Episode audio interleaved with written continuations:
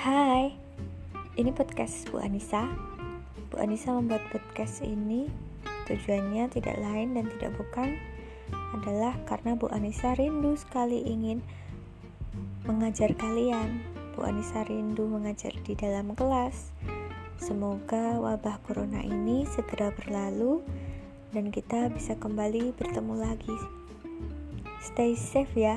Sampai jumpa di kesempatan selanjutnya.